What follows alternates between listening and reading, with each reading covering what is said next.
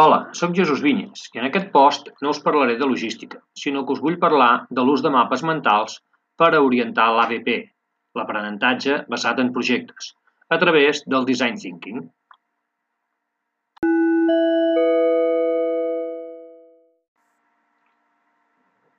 Aquest podcast pretén ser una primera aproximació a aquesta metodologia de treball.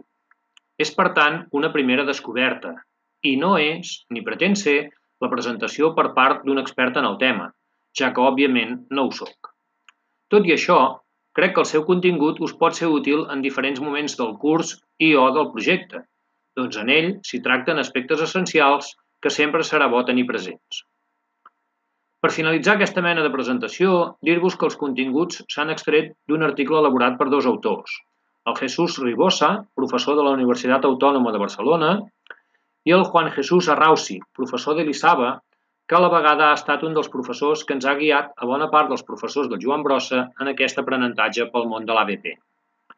L'article es titula Driving Maps, el uso de mapas mentales para orientar el aprendizaje basado en proyectos a través del Design Thinking. I el trobareu a la revista gràfica, que podeu trobar al repositori de revistes de la UAB. Tot i la riquesa de l'article, la curta durada d'aquest podcast podcast ens obliga a extreure'n unes poques idees.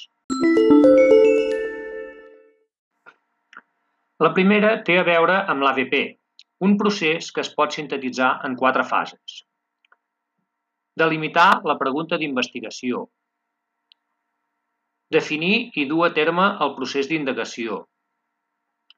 Crear el projecte per mostrar i compartir allò que s'ha après i presentar el projecte a una audiència real. D'altra banda, el design thinking consta de cinc fases recursives. Empatitzar, definir, idear, prototipar i testejar. No obstant, per fer compatible el design thinking amb l'ABP, s'opta per modificar el plantejament de l'última fase, per tal que aquesta adopti un enfoc comunicatiu. En conseqüència, es substituirà el testejar per Comunicar.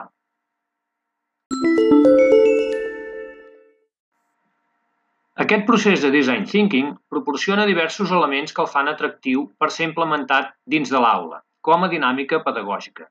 En destacarem tres. Genera empatia per entendre els problemes i necessitats dels altres. Promou el treball en equip al valorar la singularitat dels individus. Concep prototips que permeten la detecció d'errors i la seva posterior solució. La implementació del design thinking a les aules requereix de dues noves figures. D'una banda, l'alumne creador, participant actiu en les pràctiques d'aprenentatge, capaç de realitzar els seus interessos i de donar curs a les seves idees per imaginar, construir i innovar. I de l'altra, el docent procurador, que acompanya l'alumne com a dissenyador, pedagog i facilitador del procés d'aprenentatge. Per tal d'implementar el Design Thinking, es recomana la utilització de Poplet, P-O-P-P-L-E-T, Poplet, que és una eina en línia que ofereix una plataforma digital per elaborar col·laborativament mapes mentals que integrin diferents sistemes de representació.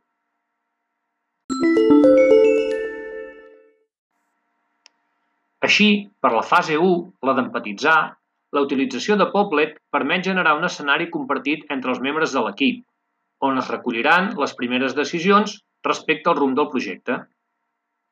En la fase 2, la de definir, el més important és trobar la pregunta directriu. Sobre aquest aspecte clau trobareu un segon podcast elaborat pel professor Juan Jesús Arrausi que hi aprofundeix d'una manera clara i brillant. Pel que fa a la fase 3, la d'idear, el Poplet adopta la funció d'aglutinador d'interessos, especialment de les aportacions i iniciatives personals que cada membre aporta al projecte. En la fase 4, de prototipar, cal dir que hi ha implicades dues fases menors, la de construcció de maquetes de treball i l'execució del prototip de funcionament. En aquesta fase, el Poplet actua com a escenari on s'activen els coneixements instrumentals de cada membre de l'equip. Per últim, en la fase 5 de comunicar, es dona visibilitat al projecte dissenyat pels alumnes. Exposar als altres ajudarà a posicionar-se, a reflexionar sobre els propis processos i a seguir aprenent dels errors i dels èxits. L'interès se centra en compartir les troballes, el posicionament i la proposta realitzada amb els altres membres del grup classe i amb la comunitat. És en aquesta fase on s'avalua si s'han complert els objectius marcats i si s'han cobert les expectatives.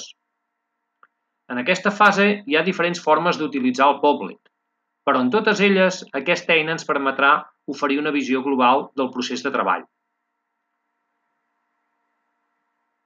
Per acabar, dir-vos que podreu obtenir més informació sobre el Design Thinking a www.designthinking.es.